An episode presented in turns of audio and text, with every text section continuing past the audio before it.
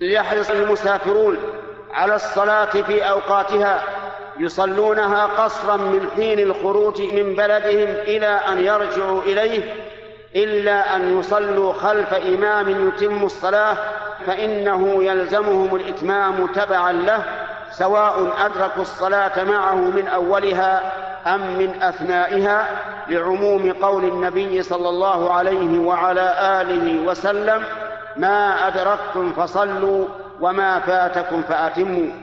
ولكن إذا كانوا في بلد تقام فيه الجماعة لزمهم حضور الجماعة وإن كانوا مسافرين. أما الجمع للمسافر فإن كان سائرا فالجمع أفضل ويجمع بين الظهر والعصر وبين المغرب والعشاء إما جمع تقديم وإما جمع تأخير حسب الأيسر له. أما إذا كان نازلا فترك الجمع أفضل ولو جمع فلا بأس.